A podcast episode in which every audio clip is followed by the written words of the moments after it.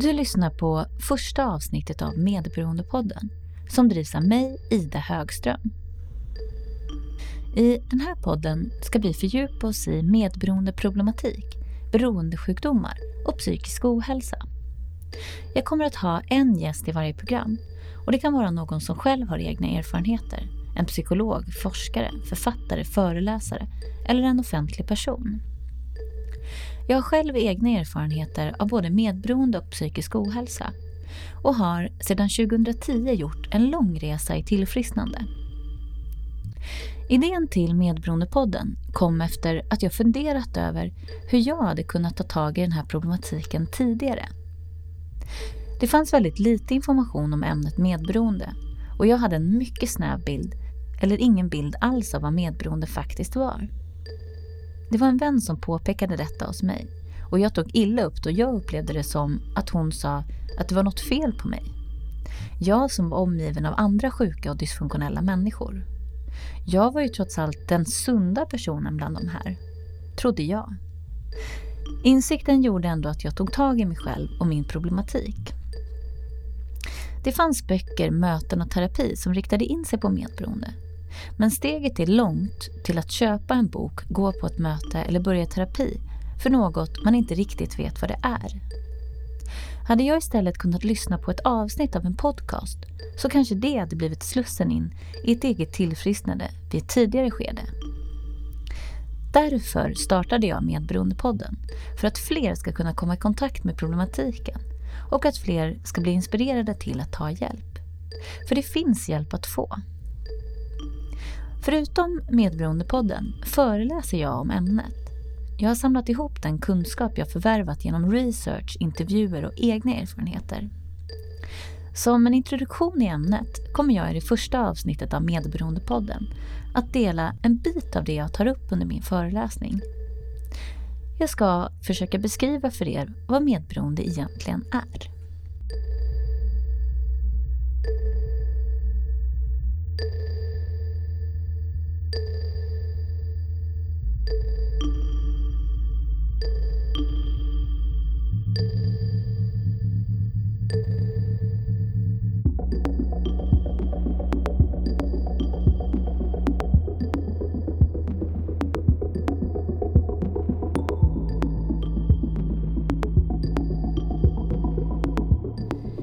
Ja, välkomna till första avsnittet av Medberoendepodden. Som jag sa i inledningen så föreläser jag om medberoende och under den föreläsningen så delar jag med mig av min egen historia. Men jag försöker också beskriva vad medberoende egentligen är. Det är så väldigt lätt att vi pratar om medberoende som en dysfunktion eller någonting vi har i relation till någon annan. Men för mig har det varit väldigt, väldigt viktigt att titta på det som en definition eller ett epitet på mitt eget problem. När jag berättar om medberoende så brukar jag tala om det som om det vore en diagnos, som om det vore en sjukdom. Och det är inte för att det är det, utan för att det har varit ett sätt för mig att lättare förstå problematiken. Den informationen som jag har, det är ingenting som, som jag säger att det här är sanningen, det här gäller för alla.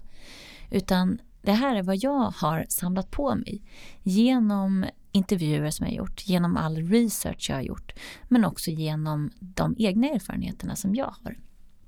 När jag föreläser så brukar just den här biten med symptombeskrivningen, som jag kallar det, eh, brukar bli väldigt, väldigt uppmärksammad och det är flera av er som har varit på mina föreläsningar som har efterfrågat ett avsnitt med just de här symptomen. Alltså själva sjukdomsbeskrivningen. Och för att ni ska förstå lite mer vad medberoende är i grunden så tänker jag börja och prata lite om hur ett medberoende faktiskt kan uppkomma. För som jag sa, enligt min mening så är det inte bara någonting som uppstår i relation till någon.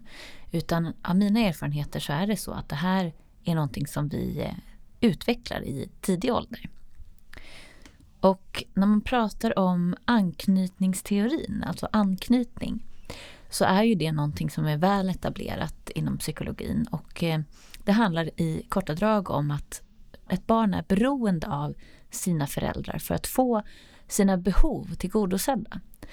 Och då menar jag inte bara fysiologiska behov utan även känslomässiga. Och det som händer då när du växer upp med en, till exempel en dysfunktionell förälder så har den föräldern fullt upp med sig själv och tvingas sätta sina egna behov främst. Och egentligen är oförmögen att, att ta hand om barnet på det sätt som barnet faktiskt behöver. Och barnet då tenderar att överge sig själv och anpassa sig efter föräldern. Och det är ju egentligen en strategi, en överlevnadsstrategi för att ändå försöka få så mycket av de här behoven tillgodosedda som, som möjligt. Och de här överlevnadsstrategierna kan vara till exempel hyperverksamhet, flykt, rörelsefrysning, kamp, underkastelse eller smärtbedövning. Och det som händer är att när barnet lever i den här överlevnadspersonen så agerar den helt utifrån en djurisk instinktivitet. Och Det innebär att barnet inte kan utveckla sin så kallade vardagsperson, alltså sitt eget jag.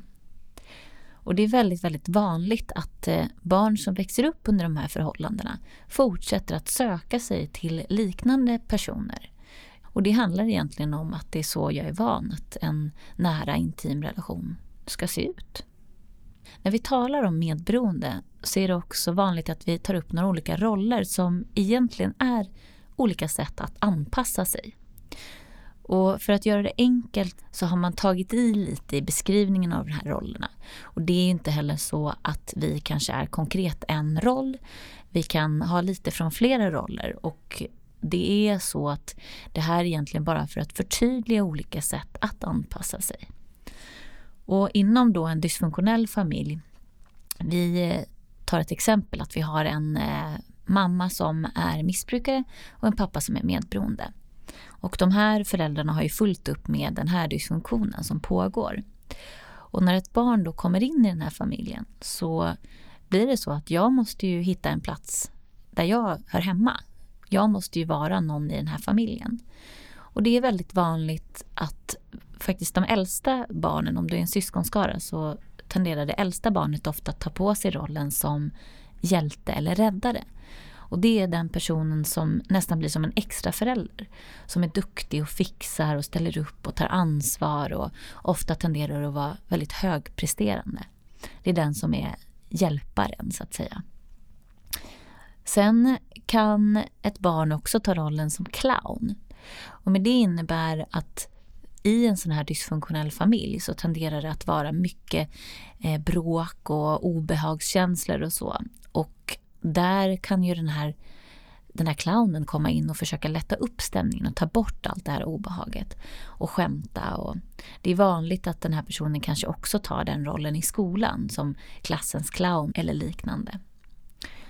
Och det är ju egentligen så att det här också är en strategi för att få familjen, den dysfunktionella familjen, att fungera så gott det går. Men det finns också en roll som kallas tapetblomman. Och det är den personen som inser att i den här familjen finns det ingen plats för mig. Jag behöver hålla mig undan. Och en sån person tenderar att, att ja, se till att inte höras och synas och eh, tenderar också att vara introvert och inåtagerande. Och det är ganska vanligt att just de här personerna eh, utvecklar till exempel olika typer av självskadebeteende. Och sen har vi den raka motsatsen och det är rebellen. Och rebellen är den som istället är extrovert och utåtagerar. Den kanske bråkar, är busig, våldsam eh, och stökig och sådär. Och här är det också vanligt att en eh, rebellen i familjen kanske är den som själv hamnar snett, kanske hamnar i missbruk och så. Men som sagt, det här är ju då lite hårdragna beskrivningar av de här olika sätten att anpassa sig. Jag är ett stort fan av en barnläkare och forskare som heter Nadine Burke Harris. Hon har eh, till exempel ett TED-talk där hon talar om en studie. Som, det är inte hon som har kommit, startat den studien men hon har engagerat sig i den. Och studien kallas för ACE-studien. Och det står egentligen för Adversive Childhood Experience. Och jag har valt att tala om det här i form av barndomstrauma. De här dysfunktionella förhållandena påverkar barn på det sättet att det framförallt tenderar att orsaka kronisk stress. Men för att förstå lite mer om vad det här barndomstraumat innebär så har man i studien delat upp ACE, alltså ACE-poäng eller olika typer av trauman som du som barn kan vara med om. Och i studien så gör man så att för varje typ av traumatisk upplevelse eller situation så får man ett poäng. Och ju fler poäng du som barn skaffar dig, desto större risk löper du för olika typer av sjukdomar och psykisk ohälsa och sådär. Men det som kan räknas till de här olika traumorna då är till exempel att det finns missbruk i familjen, psykisk ohälsa. Det kan pågå psykiska, fysiska eller sexuella övergrepp. Eh, misskötsel. Det kan vara isolering. Det kan också vara rigida familjesystem. Det kan vara ett hem utan kärlek och empati. Det kan vara skilsmässa. Det kan också vara en fysisk sjukdom eller funktionsnedsättning. Det kan vara en dramatisk händelse, till exempel om ens barndomshus brinner ner. Men det kan också vara dödsfall, om en eh, familjemedlem till exempel går bort tidigt. Men det är jätteviktigt att också poängtera det här med krig och flykt. Det är verkligen någonting som traumatiserar barn. Och det man har kunnat se då, om man räknar de här poängen, ACE-poängen, så har man då kunnat se den här länken till vad egentligen effekten av att växa upp under de här förhållandena innebär och vad det gör med barnen. Och som jag sa så är det ju så att barnet lever under konstant stress i de här förhållandena. Och stressen är egentligen någonting som är sunt. Det är någonting vi behöver till exempel vid en hotfull situation. Det handlar alltså om överlevnadsmekanismer. Och de här överlevnadsmekanismerna brukar man tala om är fly, frys eller fäkta. Och de är ju jätteanvändbara om vi till exempel skulle möta en björn i skogen. Då kan vi bara rusa därifrån. Vi kan frysa och spela död. Eller så kan vi fäkta och slåss mot björnen. Men problemet med de här barnen som växer upp så här dysfunktionellt, för dem blir det som om de kommer hem till björnen varje dag. Alltså som att de lever med björnen. Och de lever alltså i den här överlevnadsstrategin, i den här konstanta stressen hela tiden. Och det här påverkar hjärna, immunsystem, hormontillväxt och DNA väldigt negativt. Och det man har sett då att ju fler ACE du har, desto högre risk löper barnen att drabbas av till exempel hjärt och kärlsjukdomar, astma, lungsjukdom, lungcancer, diabetes, inflammation i lever, autoimmuna sjukdomar eller psykisk ohälsa, depression och sådär. Men det man också har sett är att barndomstrauman påverkar belöningssystemet, impulssystemet och hjärnans reaktionsförmåga. Och det i sin tur gör att de här barnen tenderar att löpa väldigt hög risk att hamna i till exempel missbruk, kriminalitet och för att begå självmord. Och genom den här A-studien då så har man faktiskt kommit fram till, man har kunnat se länken till att barndomstrauma ligger bakom sju av tio dödsorsaker i USA. Och det här var alltså en liten utgångspunkt till vad det här med uppväxt gör med oss. Hur det faktiskt kan påverka oss att utveckla strategier och inte utveckla vårt riktiga jag. Och Vi ska gå in lite mer då på det här med medberoende. Vad är egentligen medberoende? Och jag har ju då delat in den här sjukdomen, som jag väljer att kalla det, i lite olika symptom. Jag kallar ju då den här problematiken för en sjukdom. Som jag sa tidigare så är det ingen officiell sjukdom.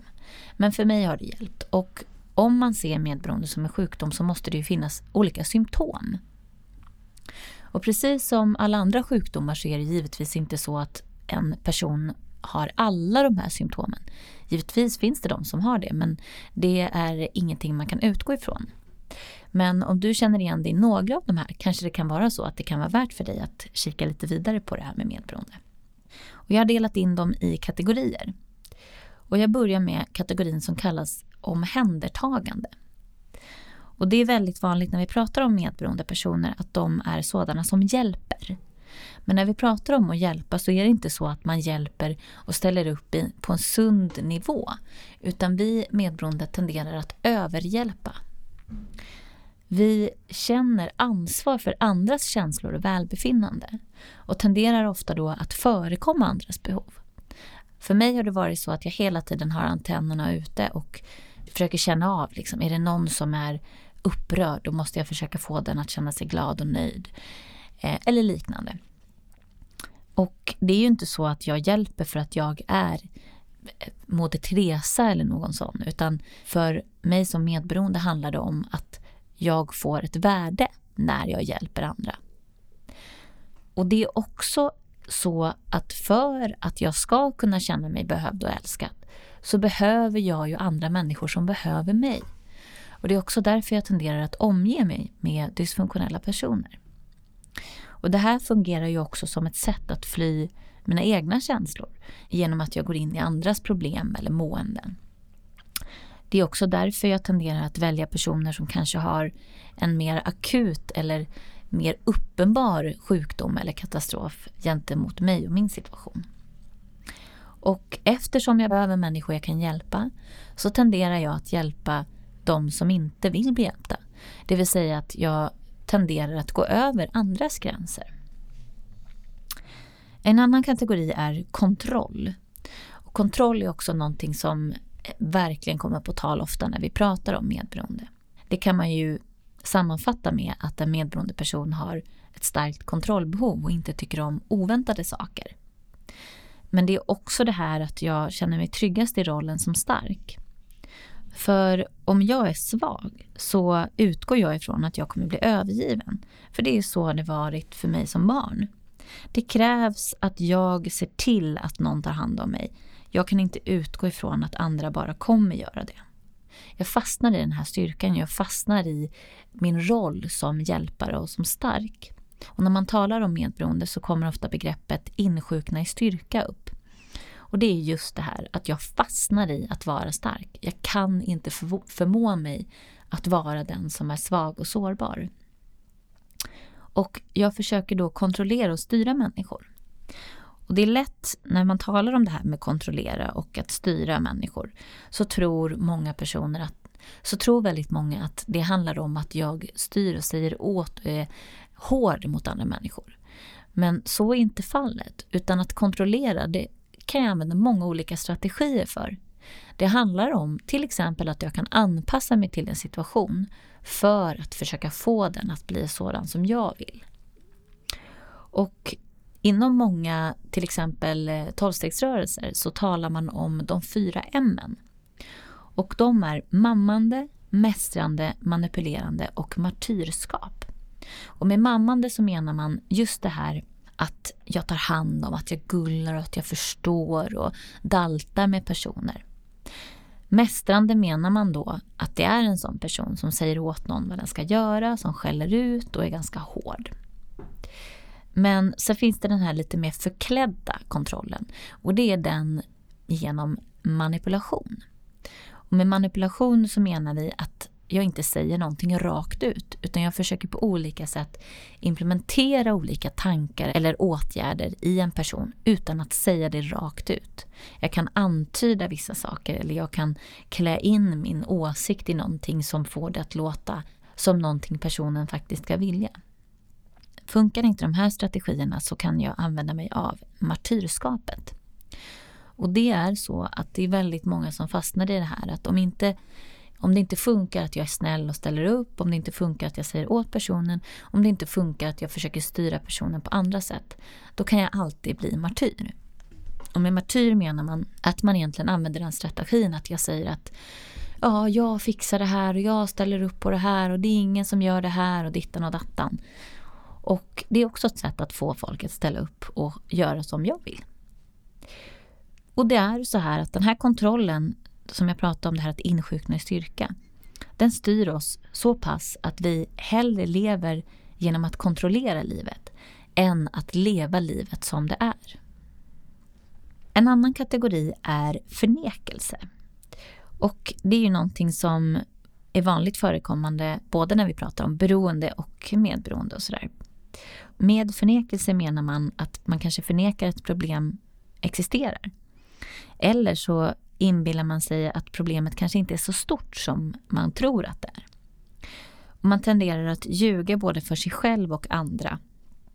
Och det är ju ett sätt att också försöka hålla den här lögnen vid liv. Och det kan ju vara så att jag till exempel har en eh, partner som är spelberoende hemma. Men jag försöker på olika sätt intala mig att det inte är så. Eller att hon bara spelar när hon eh, mår lite dåligt. Eller hon vinner ju faktiskt ibland och sådär. Det är också så att jag tror på lögner. Jag vill ju gärna tro på vad min beroendepartner kanske säger. Nej men jag spelar ju bara för att det är lite roligt. Ja, då väljer jag att tro på det. För det är bekvämare helt enkelt. Och förnekelse innebär ju också att jag väljer att inte se min del i saker. Så att jag lägger över mitt mående på andra. Och det innebär att jag säger att de får mig att känna som jag mår. Att det är ditt fel att jag mår så här. Jag kan alltså inte äga min egen känsla. Och i och med att vi lever i förnekelse och i och med att vi behöver hjälpa eller prestera för att känna oss behövda och älskade så har vi jättesvårt att ta emot kritik. Och det gör att vi måste gå i försvar vid kritiken. Det är också vanligt att medberoende personer söker lyckan utanför sig själv. Man tänker att om jag bara får det där huset, den där lägenheten eller det där jobbet. Eller om jag bara blir tillsammans med den där personen. Eller om hen bara blir nykter. Då kommer allt bli bra. I och med att jag förnekar så mycket problem så är det väldigt vanligt att medberoende personer lider av någon oförklarlig kronisk smärta. Det är väldigt vanligt att man kanske har ont i ryggen, har eksem eller tappar hår och kanske har ont i magen konstant. Ett sätt att hantera de här jobbiga känslorna är ju att själv fly in i någonting. Och man kan till exempel fly in i arbete, mat eller tvångsmässig shopping. Och just det här med tvång är en annan kategori, alltså tvångstankar. Egentligen min främsta beskrivning av ett medberoende är manisk besatthet. Och det är även manisk besatthet som en beroendeperson lider av. Vår maniska besatthet gäller alla möjliga olika saker. Men i en beroenderelation så är det ganska vanligt att vi blir i princip lika, om inte mer besatta av personen som är beroende och den personens missbruk. Det är också vanligt att vi lider av skuldkänslor som vi inte riktigt förstår var de kommer ifrån. Det kan vara att vi går och känner att vi borde ha gjort något annat eller att vi skulle ha gjort något bättre. Vi grubblar över väldigt mycket olika problem och framförallt över andra människor och deras problem. Vi har svårt att leva i nuet och göra en sak i taget. En, ett eh, exempel jag ofta brukar dra vid mina föreläsningar så är det en sån här eh, situation vid, eh, på morgonen när jag ska göra ordning frukost. Så har det varit så att jag häller upp min kaffekopp och så ska jag ta ut bröd ur brödrosten. Och när jag tar min kaffekopp är jag mentalt redan i brödrosten. Så slår jag in koppen i till exempel bänken så den trillar ner på golvet och allt kaffe rinner ut överallt. Och då blir jag givetvis jättefrustrerad och så slår jag på mig själv för att jag är så klantig. Men det det egentligen handlar om är att jag inte håller min kopp. Jag är inte i min, mitt första steg med kaffekoppen. Och det är ju det här det handlar om. Att istället för att ta ett steg med min kaffekopp i taget och ha koll på kaffekoppen när jag håller i den. Ställa ner kaffekoppen och sen ta mina bröd i brödrosten. Då händer inte de här sakerna. Så min klantighet som jag har sett det har egentligen mycket berott på att jag inte kan göra en sak i taget och att jag inte kan vara här och nu i det jag gör. Utan jag är hela tiden framme vid nästa person, nästa situation, nästa upplevelse eller vid brödrosten. Det är också så här att medberoende personer har väldigt svårt att ta beslut. Och återigen har ju det här lite med kontroll att göra. Att jag måste ta ett beslut som blir bra. Jag vill gärna veta svaret, resultatet av det beslut jag tar innan jag tar det. För det är så fruktansvärt jobbigt att riskera en konflikt eller en katastrof. Det är också vanligt att medberoende personer klagar och klandrar men inte gör något åt sin situation. Vi fastnar alltså i den här offerrollen. Och det är ju så att visserligen kanske vi är offer för eh, barndom eller liknande. Men som vuxna har vi faktiskt ett val. Och för mig har det varit så att jag behövt sätta mig i en situation där jag uppoffrar mig eller hjälper andra för att kunna motivera min känsla av att jag är ett offer. Kunna motivera min självömkan. För med självömkan så behöver inte jag ta något ansvar. En annan kategori är ju då den dåliga självkänslan. Det är långt ifrån bara medberoende personer som lider av dålig självkänsla. Men när vi talar om medberoende så är det ofta så att vi tenderar att förväxla självkänsla med självförtroende. Och det är ganska många medberoende personer som har ett gott självförtroende. Men inte har någon självkänsla överhuvudtaget. Vi tenderar alltså att mäta vårt värde i prestationer. Och samtidigt är vi aldrig nöjd med det vi presterar. Och vi lever genom att vi måste bevisa för andra att vi duger för att överhuvudtaget kunna tycka något sånt själv. Vi lever med skam för vår egen person och det är därför vi behöver den här skådespelarrollen, som den här masken som skyddar oss och går in i den här personan som vi behöver för att kunna få bli älskade och få bekräftelse. Och vi tenderar att inte ta hand om oss själva och våra behov. Många gånger så vet vi inte ens vad vi har för behov. Vi kanske inte äter ordentligt, sover ordentligt, vi kanske inte tränar eller går till läkaren. Men ironin i det här är att vi är väldigt, väldigt duktiga på att se till att andra människor ska göra det. Vi har också väldigt svårt att dra sunda gränser och stå fast vid dem. Det handlar egentligen om självrespekt. Att om jag tycker om mig själv så månar jag om mig själv och mina behov och därför så kan jag be människor att respektera det genom att dra gränser. Och om jag nu vågar en gräns så tenderar jag som medberoende att inte stå fast vid den. Utan jag säger en sak men sen nästa gång situationen uppstår så tolererar jag ett respektlöst beteende ändå. Det är också så här att medberoende personer tenderar att pendla mellan att känna sig värdelös eller bättre än andra. Vi har väldigt svårt att ingå i en gemenskap där vi är jämlika. Utan vi är hela tiden utanför. Och antingen så ser jag mig vara bättre än någon eller så ser jag mig vara värdelös. Motsatsen till kontroll är ju egentligen tillit. Och är det någonting så, som jag som medberoende haft problem med så är det just tillit. Dels har jag ju som barn fått lära mig att världen inte är att lita på. Att jag kan inte lita på min förälder, jag kan inte lita på att morgondagen kommer vara trygg och fin och bra. Men det här har ju fört med sig att jag ständigt lever i ängslan, oro och har olika typer av katastroftankar. Jag litar alltså inte på att saker som sker helt naturligt blir bra. Utan jag tror att jag måste vara där och fixa för att det överhuvudtaget ska kunna gå igenom, att det inte blir en katastrof. Medberoende personer litar ju heller inte på att bra saker kan hända, så vi är hemskt rädda att förlora det vi har.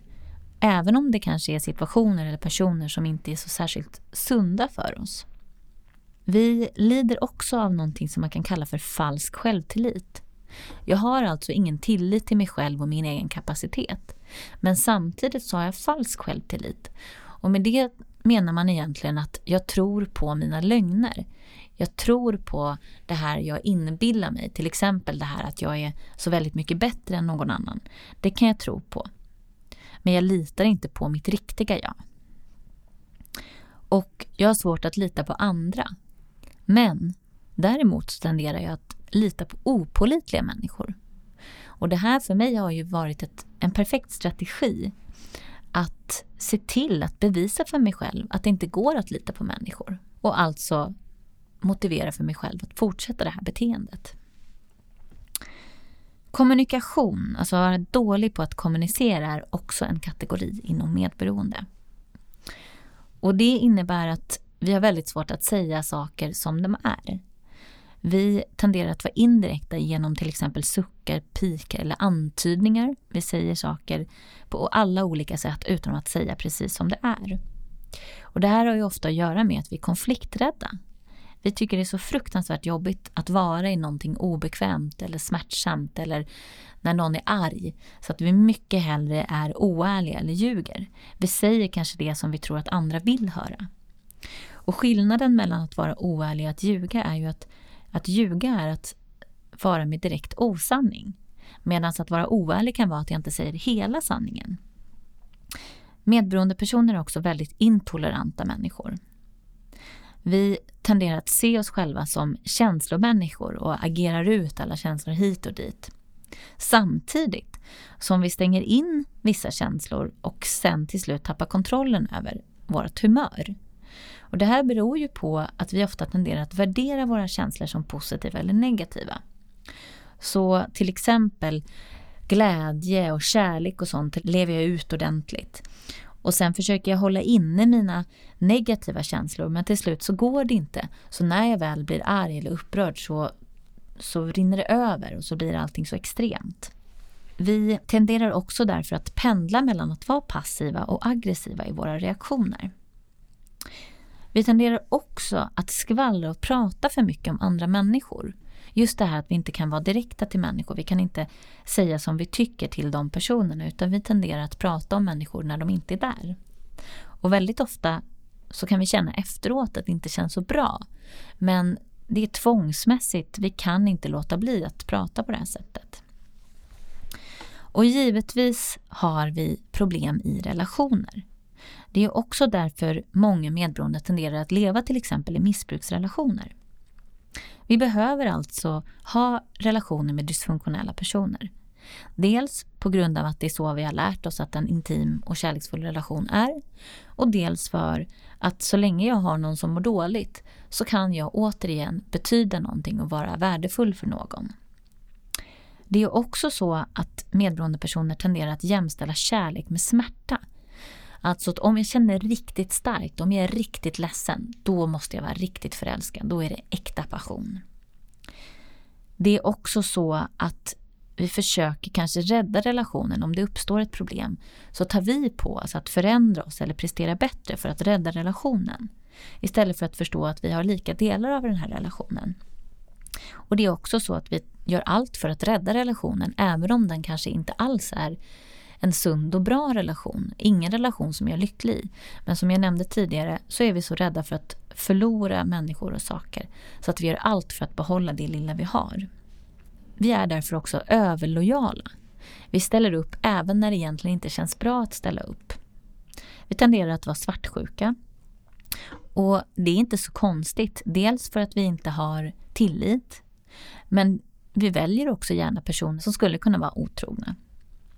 Vi har väldigt svårt att uttrycka våra behov och ofta så vet vi inte ens vilka behov vi har i en relation. Vi tenderar att stjäla ansvar. Och det kanske låter lite märkligt, men det handlar egentligen om den här styrkan som vi pratade om tidigare. Ett exempel är en person som har lagat mat till hela familjen som sen önskar att någon annan skulle kunna diska. Men innan de andra i familjen hunnit äta klart så reser sig den här personen upp och sätter igång med disken. Och efteråt så går den här personen och beklagar sig och tycker att det är ingen annan som hjälper till eller ställer upp. Men om jag rannsakar mig ordentligt så är det faktiskt så att jag själv har valt att laga maten. Jag själv ställer mig upp och tar disken. Och jag har inte frågat någon annan eller låtit bli. Alltså har jag stulit det här ansvaret just för att kunna få vara i den här positionen där jag är den duktiga. Medberoende personer har också intimitetsproblem. Och med det innebär att vi inte kan vara riktigt nära en människa för vi inte kan vara öppna, ärliga och sårbara. För det finns för stora risker med det. Vi kan bli övergivna. Och smärtan om vi blir övergivna är så stark så att vi kan inte hantera det. Och Det här med sex är ju därför också väldigt problematiskt. Det är vanligt att man har sex för andras skull. Eller så använder man sex som medlande eller straff. Och det är också vanligt att man till slut tappar sexlusten. Sen är det ju så här att leva på det här sättet är väldigt skadligt. Och det är viktigt att förstå att det här med medberoende, det är inte någonting som man ska ta lätt på. Det leder alltså till bland annat då att du förlorar kontrollen över ditt eget liv. Det leder ofta till isolering och bitterhet. Många lider av depressioner, ångest eller panikångest. Det är extremt vanligt att medberoende personer blir utbrända. Och det är ju så att vi kört på in i oändlighet för vi känner inte den här gränsen. Och det är ofta i samband med utbrändhet som många kapitulerar och kommer till insikt om sitt eget medberoende. Just för att du kan inte fortsätta springa, du tvingas möta verkligheten som den är. Medberoende personer blir till slut känslomässigt, mentalt eller kroppsligt sjuka. Det är väldigt vanligt med självmordstankar eller självmord. Erik Sundby som var med i podden och pratade om sexberoende nämnde att ungefär 70 procent av de som är partners till sexberoende som söker hjälp hos DBK lider av någon form av ätstörning. Sen är det också så att det här är så jobbigt att leva med så vi behöver hitta ett sätt att fly undan. Därför är det också väldigt vanligt att en medberoende person utvecklar ett eget beroende. Och Det är många som inser att det är egentligen ett medberoende som ligger till grunden för det beroende som personen senare har utvecklat. Då måste vi också fundera på vem som faktiskt är medberoende. Och du kan vara medberoende till någon som lider av missbruk, beroende, psykisk ohälsa, ätstörningar. Det kan vara våldsamma personer som begår psykiska, fysiska eller sexuella övergrepp. Det kan vara någon som lider av en psykisk sjukdom eller funktionsnedsättning. Det kan vara narcissister, dominanta personer eller auktoriteter. Det kan också vara andra medberoende. Det är jättevanligt i familjer med, eh, som jag nämnde tidigare då, att vi säger att mamman har ett missbruk och pappan är medberoende och sen har vi eh, första dottern här som är hjälten och räddaren. Som tenderar att bli mycket, mycket mer medberoende till den medberoende pappan. För att pappan är upptagen med att ta hand om den, med, den beroende mamman. Så den medberoende dottern blir istället medberoende och börjar ta ansvar och hjälpa pappan. Alltså att se till att pappan har det bra, att pappans känslor är omhändertagna. Men man kan också vara medberoende till alla möjliga olika typer av dysfunktionella personer. Men som jag sa så är min erfarenhet att det uppkommer långt mycket tidigare än så. Alltså att vi väljer de här personerna för att det är vad vi känner till och det är vad vi behöver för att kunna leva kvar i vårt medberoende. Och det är många som kanske tycker att nej men jag har inte valt de här personerna. Men det finns många sunda, balanserade personer som också stöter på missbrukare i sitt liv. Men skillnaden är att de kanske väljer bort de här människorna. Så även om du kanske anser att du inte har valt personen så har du heller inte valt bort den personen. Och du kan vara förälder till en dysfunktionell person, släkting, partner, barn, nära vän. Och du kan också vara arbetskollega eller chef. Och medberoende i arbetslivet är ganska intressant. För det är ju såklart vanligt att väldigt många medberoende väljer yrken inom vård och omsorg i och med att man tycker om att vara den här hjälparen. Som chef tenderar medberoende personer att anställa personer som har problem. Man ser dem lite som oslipade diamanter och tänker att när jag får sätta tänderna i den här, då kommer den att blomma ut. Och det är väldigt vanligt att medberoende chefer tar beslut baserat på känslor. Alltså istället för att tänka igenom någonting så får man en känsla att men det här kommer bli bra och tar därför ett beslut baserat på den känslan. Men det är också så att en medberoende person utövar kontroll genom då som jag nämnde till exempel att mamma mästra, manipulera eller vara martyr. Och det kan vara allt ifrån att den här eh, chefen kommer och eh, vill dalta och ta hand om och lyssna på problem som en anställd har. Medan i nästa stund kommer och skälla ut personen. Eller så kan den manipulera och säga att ja, men om vi gör så här och dittan och dattan och så blir det si och så blir det så. Istället för att säga, skulle du kunna hjälpa oss med det här till exempel. Men den kan också bli martyr och eh, gå in i den här rollen att ja, jag har ställt upp så mycket för dig och vi i det här företaget gör si och så och du kan inte ge tillbaka. Och det här är då olika sätt att försöka styra personal. Och som anställd så är medberoende personer väldigt gränslösa. Alltså både i egenskap av att jag inte känner mina egna gränser men jag tenderar också att gå över andras gränser. Jag känner väldigt, väldigt stort ansvar. Men samtidigt så har medberoende personer väldigt svårt att ta kritik i och med att vi lever i konstant prestation.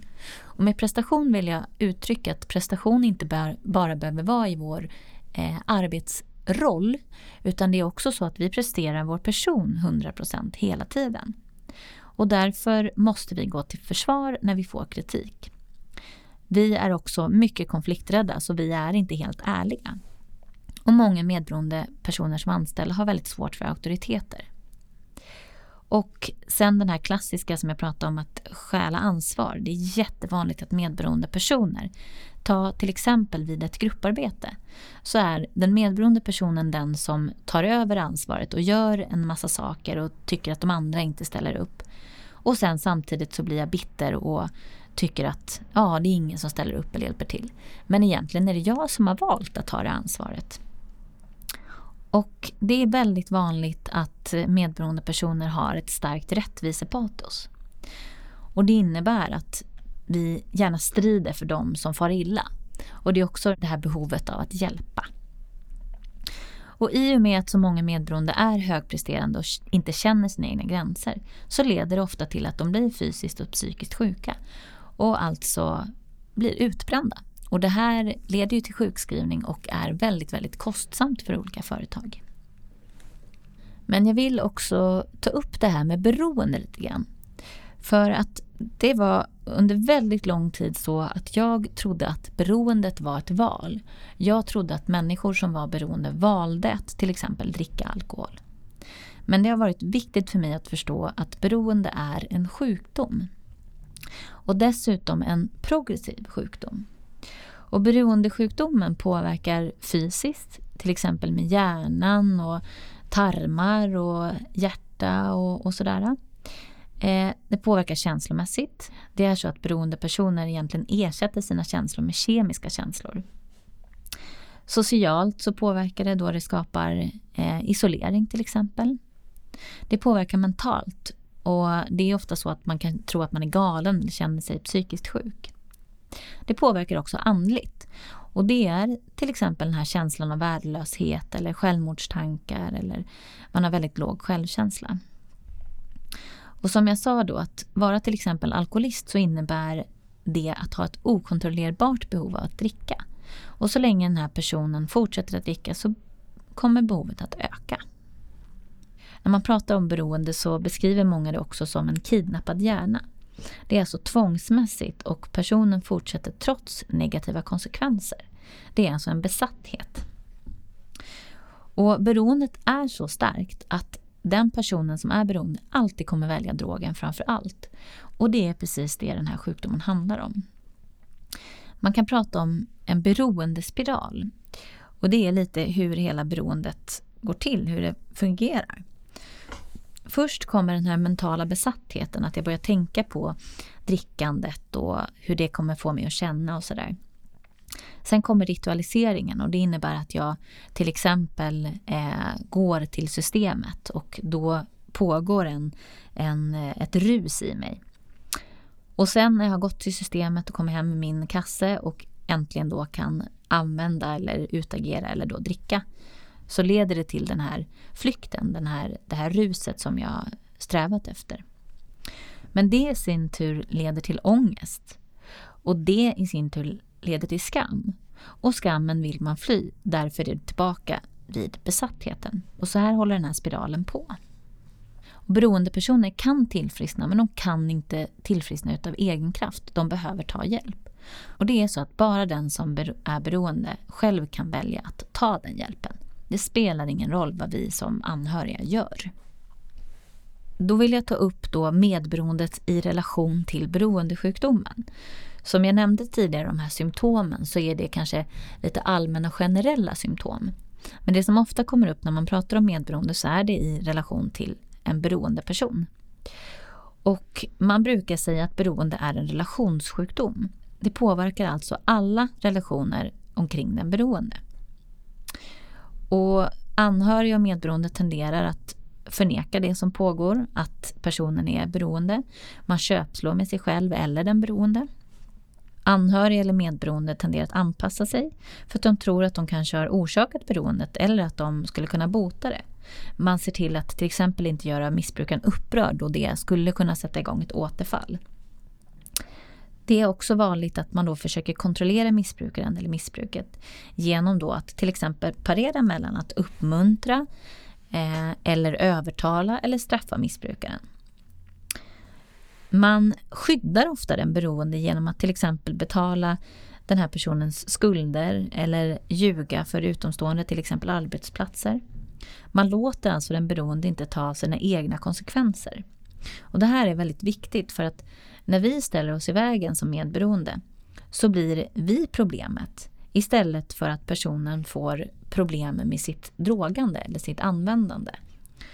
Det är alltså viktigt att den beroende personen får ta konsekvenserna av missbruket. Och medberoende personer i relation till beroende har alltid katastroftankar och tror att det värsta kommer att ske. Man lider alltså av en mental besatthet. Och det innebär att liksom största delen av den medberoendes vakna tid går åt att tänka på den här beroende eller på den beroendes användande. Och jag kan säga av erfarenhet att det är många som jag har samtal med kring medberoende som ofta som, som inte kan sluta prata om den som är beroende, om till exempel har en alkoholiserad partner så är det konstanta samtal. Konstant. Han gör si eller hon gör så. Varför kan hon bara inte sluta? Varför slutar han bara inte dricka? Etc. etc. Men det som är mycket intressant i det här det är att vi har svårt att förstå hur den beroende inte bara kan sluta. Men om vi zoomar ut det här lite, lite till så är det faktiskt så att vi är minst lika mentalt besatta av personen och personens beroende. För jag kan inte sluta prata om det. Och det är väldigt viktigt att förstå att om jag har det här problemet så kan jag bara tänka mig det är för en alkoholist som också har det fysiska beroendet. Och man tenderar att använda tomma hot. Till exempel då så säger en partner att jag lämnar dig om inte du slutar dricka. Och så slutar inte den här personen dricka. Och så lämnar man ändå inte relationen. Det blir alltså tomma hot, de betyder ingenting. Det är också så att även om man som medberoende inte vill att den beroende ska använda så kan man få en liten känsla av tillfredsställelse när man hittar bevis på det man tror eller anar. Till exempel så kanske det är så att man hittar droger i en låda eller läser sms eller snokar på Facebook eller så eller ringer runt. Och om jag får ett bevis på det jag tror, det jag anar, så får jag en liten stunds tillfredsställelse. Och det här kallar man ofta för detektiven. Det är också så att en medberoende person som lever i en relation med en beroende tänker att bara den beroende slutar bruka så kommer allt bli bra. Och det intressanta är att om personen blir nykter så brukar det bli ganska förvirrande för att det är ju så att vi fortsätter ju vara likadana om inte vi tar hand om oss själva. Och det är jätteviktigt att förstå att vi som anhöriga eller medberoende är lika maktlösa inför drogen som den beroende är. Och det är verkligen så att inget jag säger eller gör, eller inte säger eller inte gör, kan förändra den som är beroende. Jag kan liksom bota beroendesjukdomen lika lite som jag kan bota cancer. Om jag skulle kunna bota cancer hade jag nog fått Nobelpriset vid det här laget. Nu har jag alltså gått igenom en del om det här med medberoendeproblematiken. Det finns mer information på hemsidan och eh, adressen är www.medberoendepodden.se. Och under fliken om medberoende finns det både symptom men det finns också lite mer information om hur medberoende uppkommer och lite grann vart du kan söka hjälp. Men apropå det här att söka hjälp så är det viktigt för mig att dela en del om vad som har varit lösningen. För det finns faktiskt hjälp att få och det kan faktiskt förändras. Men det är vissa saker som har, varit, som har blivit viktiga för mig i mitt tillfrisknande. Nummer ett är att jag måste acceptera att jag är maktlös inför den här sjukdomen, andra människor eller situationer. Jag måste förstå att min egen viljekraft inte är tillräcklig. Jag har försökt förändra människor hela mitt liv. Men om jag tittar tillbaka på det här så kan jag inse att det har inte lyckats. Det har inte lyckats. Jag har inte lyckats rädda någon missbrukare eller så. Det enda det har gjort det är att jag har förlorat möjligheten att leva mitt eget liv. Jag måste lära mig att sätta mina egna behov främst. Och jag måste också förstå vad som är mina egna behov. Jag måste börja titta på vad som är min del i saker. Vad gör jag som inte fungerar? Som jag sa så är det väldigt vanligt att vi medberoende skyller vårt mående på andra människor och hur de är och gör. Men det är faktiskt så att jag har ett ansvar för mitt eget beteende och min egen känsla. Det är viktigt att tänka till exempel att låt säga att vi har ett bråk med en eh, person som är riktigt elak. Och eh, den personen säger de mest fruktansvärda saker till mig. Men så säger jag ändå att den här är en idiot, att den borde dra åt helvete eller vad det nu kan vara. Jag kanske har 5% av det här bråket är att jag har betett mig illa. Men om jag vill må bra så måste jag ta ansvar för den, den lilla 5 de, de 5 procenten för att jag ska kunna må bra. Och Det spelar ingen roll vad den andra människan gör, för om jag tar bort den andra människan så har jag betett mig dåligt. Och Det bästa jag kan göra det är att svälja min stolthet och be om ursäkt för den lilla, lilla bit som jag har haft i det. Det må vara svårt, men det är helt fantastiskt det som händer när, när jag faktiskt gör det. Om jag ber om ursäkt för mitt. Ibland kan jag faktiskt ha 100% i det. Men om jag så har 1% så kan jag ta ansvar för den procenten. Och det fina är att det ofta sprider sig. Att den andra personen kanske också ber om ursäkt för att jag gör det. För att kunna tänka sunt och agera på ett nyktert sätt så måste man också frigöra sig. Alltså jag har behövt frigöra mig mentalt men också ibland fysiskt från situationer eller människor för att kunna liksom på ett objektivt betrakta det här och se realistiskt på hur situationen är. Och då kan jag till exempel ringa någon och gärna någon som kanske har liknande erfarenheter för att få ett annat perspektiv på det. Men jag kan också bara gå ut ifrån rummet eller gå och meditera eller andas lite grann. Och det är viktigt att påminna mig själv att jag inte är mina känslor utan de känslor jag har nu kommer gå över. Och för mig har det varit viktigt att förstå att jag inte ska ta stora beslut när jag är i en väldigt stark känsla. Jag behöver vara i sinnesro och känna mig i balans när jag ska ta beslut. Och jag måste ju öva på att dra sunda och kärleksfulla gränser. Och jag måste också stå fast vid dem. Och det är precis där som jag säger. Jag måste dra sunda och kärleksfulla gränser. Jag behöver dra gränser baserat på vad jag har för behov. Inte för att försöka kontrollera en annan människa. Och gränserna behöver jag ofta sätta upp i ett tidigt stadium och säga så här och så här vill jag att du respekterar mig. Det här behöver jag för att jag ska må bra. Och då är det mycket lättare sen om det är så att personen beter sig illa så kan jag hänvisa till det jag sa innan. Men jag måste också stå fast vid det här som jag har sagt. En inte så sund gräns är när, jag, när, när någon redan har klivit över allt det här och jag då reagerar i affekt och blir jätteupprörd och säger i princip din jäkla idiot, sluta med det där. Det är inte så många som respekterar en sån gräns utan det uppfattas ofta ganska barnsligt. Jag måste också ta ansvar för mig själv genom att göra saker som jag mår bra av. Och jag behöver också arbeta på min egen självkänsla. Och det kan vara allt ifrån att ta hand om mig själv, men det kan också vara att öva på att säga att jag är bra nog, att jag är en fantastisk person. Och jag måste öva på att vara närvarande i nuet och släppa taget om det som jag inte kan förändra.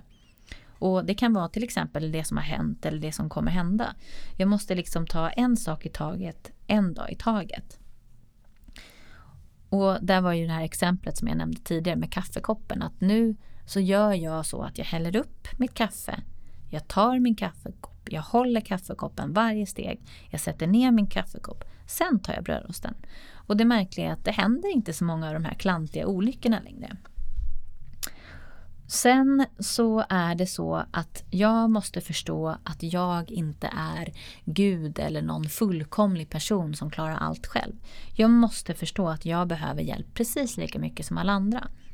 Och jag behöver öva på att be om hjälp. Jag behöver också möta andra människor som kanske har likna, liknande problem eller liknande erfarenheter. För mig har det varit jätteviktigt att tillhöra en kärleksfull gemenskap. Det är alltså ett jättebra sätt att läka mitt sårade förhållande till mig själv men också att bygga tillit. Jag behöver också öva mig i tillit. Jag behöver lita på att saker kan gå bra och försöka se det positiva i vad som händer. Istället för att se en situation som ett problem så kan jag se det som en prövning. Att jag kanske kan lära mig någonting av det här. Att det egentligen är så att det här kanske inte var menat för att det finns någonting bättre för mig där framme. Och jag måste också inse att mitt sätt kanske inte alltid är det bästa. En sån här jättebra slogan som man kan säga till sig själv är Vill jag ha rätt eller vill jag vara lycklig? För mig har det varit så att jag har inte vetat vad lycka var så det enda jag haft är att ha rätt. Men det märkliga är att när jag släpper taget om att ha rätt, när jag sväljer min stolthet så börjar jag faktiskt känna frid och, och glädje. Jag behöver liksom lyssna och visa mina medmänniskor förståelse och kärlek.